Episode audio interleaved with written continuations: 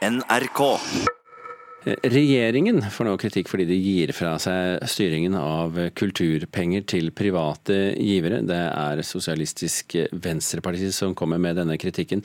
Bakgrunnen er eh, ordningen som gjør at når privatpersoner da gir gaver til kulturen, så forplikter staten seg til å gi en fjerdedel av gavebeløpet.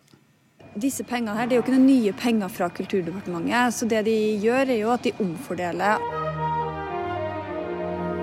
Lyden du hører her, kommer fra Hordalands store vinner i gaveforsterkningsordningen til Kulturdepartementet. I alle fall for det første halvåret. Hvem vinneren er, skal du snart få vite. Men først Det tar eh, om lag 100 millioner, i hvert fall eh, i 2018. Dette er Marte Hammer i Vestland SV. Hun er kritisk til ordningen fordi hun mener han tar penger som det offentlige skulle ha bestemt over. Og omfordeler dem til å inngå i en ordning der de blir avhengig av private penger. Altså, gaveforsterkningsordningen innebærer at Kulturdepartementet forplikter seg til å gi en fjerdedel av det beløpet private aktører gir. Få høre, hvem er det som får? I år er det altså bare Baroni i Rosendal. Dette er Jo Lerheim, leder i Bergen Venstre. Hvem er de store giverne? De store giverne er Festspillene i Bergen. Så har du givere som Moen. Trond Moen, ja. Kanskje en av landets største private givere. Når de offentlige midlene til sånne store kulturinstitusjonene er direkte avhengig av hvor mye penger de får gjennom private aktører. Da blir Trond Moen viktigere enn kulturministeren?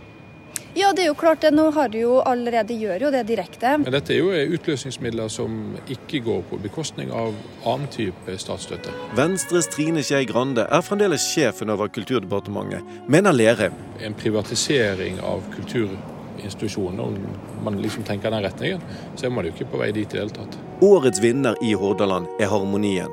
Orkesteret får tre millioner kroner av tippemiddelet, hovedsakelig på bakgrunn av to gaver fra Trond Moen. Reporter her var Mikael Olsen Lerøen. På 90-tallet så var Morten Viskum den norske kunstscenens enfant terrible. Han malte med blod, han malte med en død hånd som pensel, og han satte ut døde babyfostre på formalin i olivenglass i butikkene. Og så har han fremstilt eh, voksdukker av kjente mennesker med sitt eget ansikt på. Viskum er en omdiskutert skikkelse i norsk kunstliv fremdeles. Ingenting av det han har gjort går eh, upåaktet hen. Men i 2001 så kjøpte han en gammel cellulosefabrikk i Øvre Eiker, der han opprettet det han kalte et kunstlaboratorium. Og hver sommer så vises det en større utstilling her. Og i år er den største presentasjonen av afrikansk kunst noensinne i Skandinavia, da eh, på Vestfossen i Buskerud. Mona Palle kunstkritiker her i NRK. Eh, hva slags utstilling er det denne gangen? Ja, Dette er altså 34 kunstnere fra 19 ulike afrikanske land. Utstillingen den heter Kubatana, eh, og det er et afrikansk ord som betyr 'togetherness', eller å være sammen. Eh, og Det er et veldig viktig fokus i utstillingen. Å vise da, Kuratoren hevder dette at eh, i afrikanske land så jobber man mye mer kollektivt rundt kunsten. Her i Vesten er vi jo veldig individualisert, og kunstnere er veldig isolert på sitt eget atelier. Og Det første som møter oss er nettopp et sånt resultat av et stort samarbeid. Kunstneren bak, hovedkunstneren kan man si, er Serg Atukvei Klotti fra Ghana. Jeg vet ikke om jeg uttaler det riktig. Sikkert ikke. Helt sikkert ikke. Det er et gigantisk nett eller garn sydd sydd sammen av små guloransje plastbiter fra vannkanner.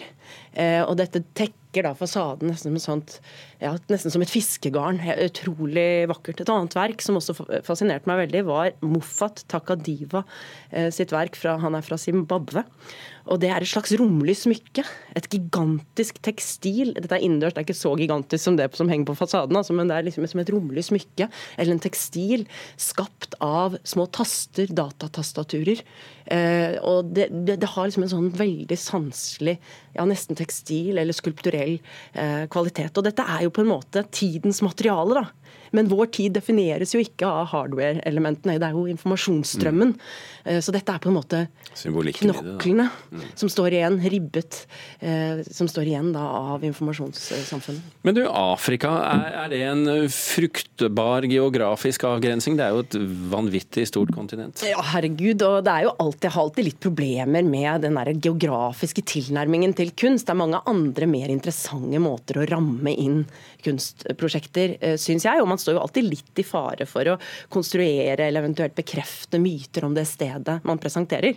Dette så vi jo veldig tydelig med utstillingen Europe Europe på Astrup Fearnley-museet for noen år siden, da vi liksom ble konfrontert med vårt eget kontinent. Hvor det blir veldig tydelig for oss ikke sant, at Frankrike, England, eh, Italia Tyskland har så sterke identitetsforskjeller. Men det er klart at liksom Ghana og Tanzania og Sør-Afrika er like ulike land. Og det er jo et problem at vi her oppe i nord ofte snakker om Afrika som ett eh, land.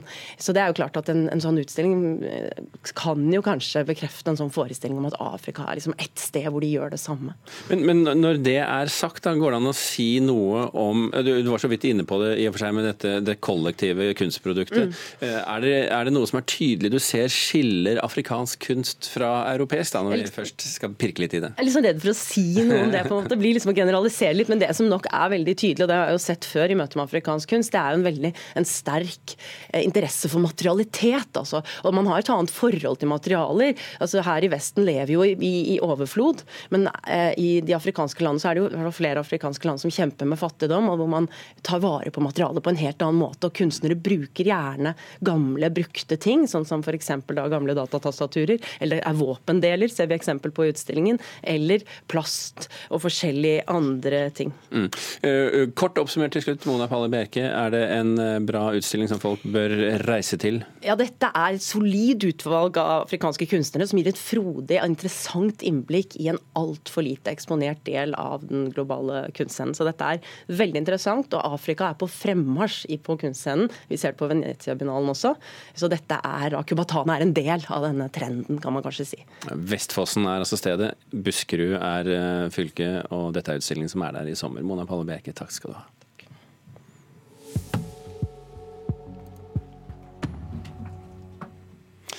Det siste året har det blitt debattert hva influensere eller påvirkere bør og ikke bør skrive om kropp, om utseende og kompleksene sine i sosiale medier. Når det kommer til skjønnhetsprodukter og tjenester finnes det et lovverk, men det har vært veldig vanskelig å finne det frem for de som trenger det. Så nå lanserer Forbrukertilsynet en veiledning som samler alle reglene, og det syns influenser Martine Halvorsen er fint. Men eh, jeg syns det er veldig bra, og heier veldig på det. Det sier Martine Halvorsen. Hun har mer enn 13 000 følgere på Instagram og 80 000 lesere på bloggen sin ukentlig, sier hun. Hun ser positivt på den nye veiledningen fra Forbrukertilsynet. Den har som mål å samle det som er av regelverk for markedsføring av skjønnhetsprodukter og tjenester for det er en del eh, lovverk, men det er litt eh, fragmentert. Eh, noe er regulert i markedsføringsloven, og så er det en del som er regulert i andre lover, som f.eks. Legemiddelverket, Mattilsynet fører tilsyn med. Det sier avdelingsdirektør i Forbrukertilsynet, Tonje Hovde Skjelbostad. Hun forklarer at både influensere og annonsører har etterlyst en enklere måte å finne frem til regler når de skal reklamere for skjønnhetsprodukter, Halvorsen forteller at hun selv har savnet et sted å slå opp de gangene hun har vært usikker. Og det er klart Hvis jeg er i tvil om et produkt, f.eks. tannbleking eller som jeg nevnte beta-karoten, så er det veldig greit å kunne gå inn der og lese hva, hva de, de proffe da, mener, og hva som er etisk lurt. da.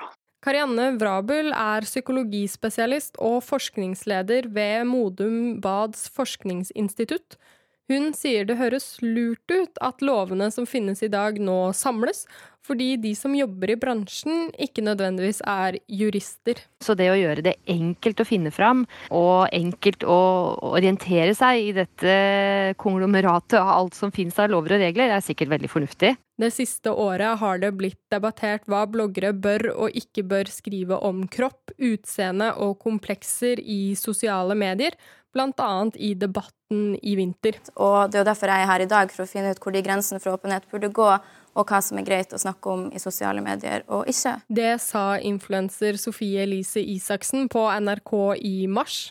Skjelbostad i Forbrukertilsynet forteller at det nå jobbes i flere instanser med regler mot kroppspress. På trappene forslag til nye lovreguleringer på området, som regjeringa har sagt de skal legge fram. Så det ser vi fram til. Det kommer sikkert til høsten, håper vi.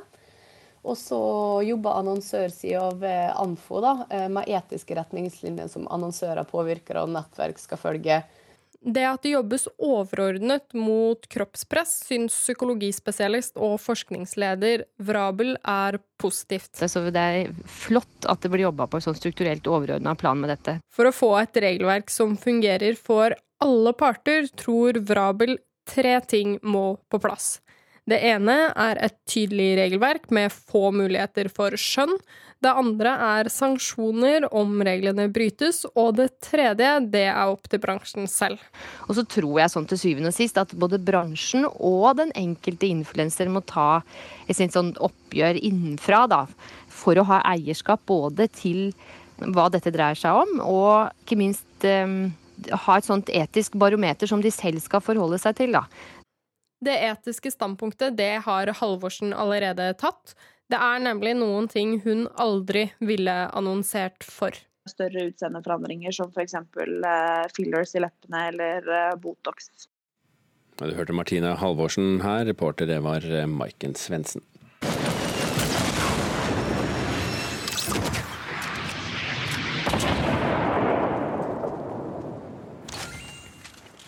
Hvis du har eh, ungdom i huset, så hører du at dette er eh, fra spillet Fortnite. Og ny forskning viser at spill som dette, altså voldelige skytespill, ikke gjør ungdom mer aggressive.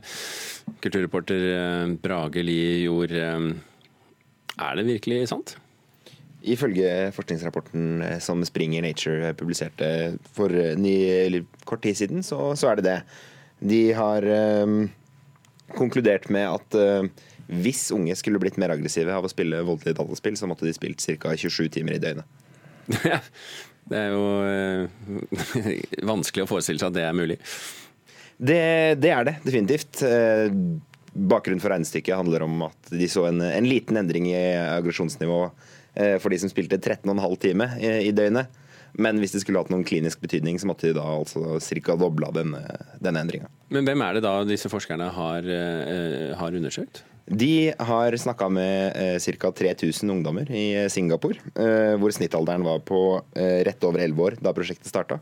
Og ca. 70% av dem var, var, gutter. Det er en liten forskjell i, eh, mellom gutter og jenter her, men ikke nok til at forskerne anså det som, som relevant. Eh, de så på en så stor gruppe med mennesker fordi de mente at tidligere undersøkelser gjort på dette feltet var, hadde for små utvalg og derfor ikke ble tilstrekkelig gode resultat. Så de blir ikke mer aggressive, men å få dem til å komme og spise middag? Det er fortsatt en utfordring. ok. Brage ord, takk skal du ha.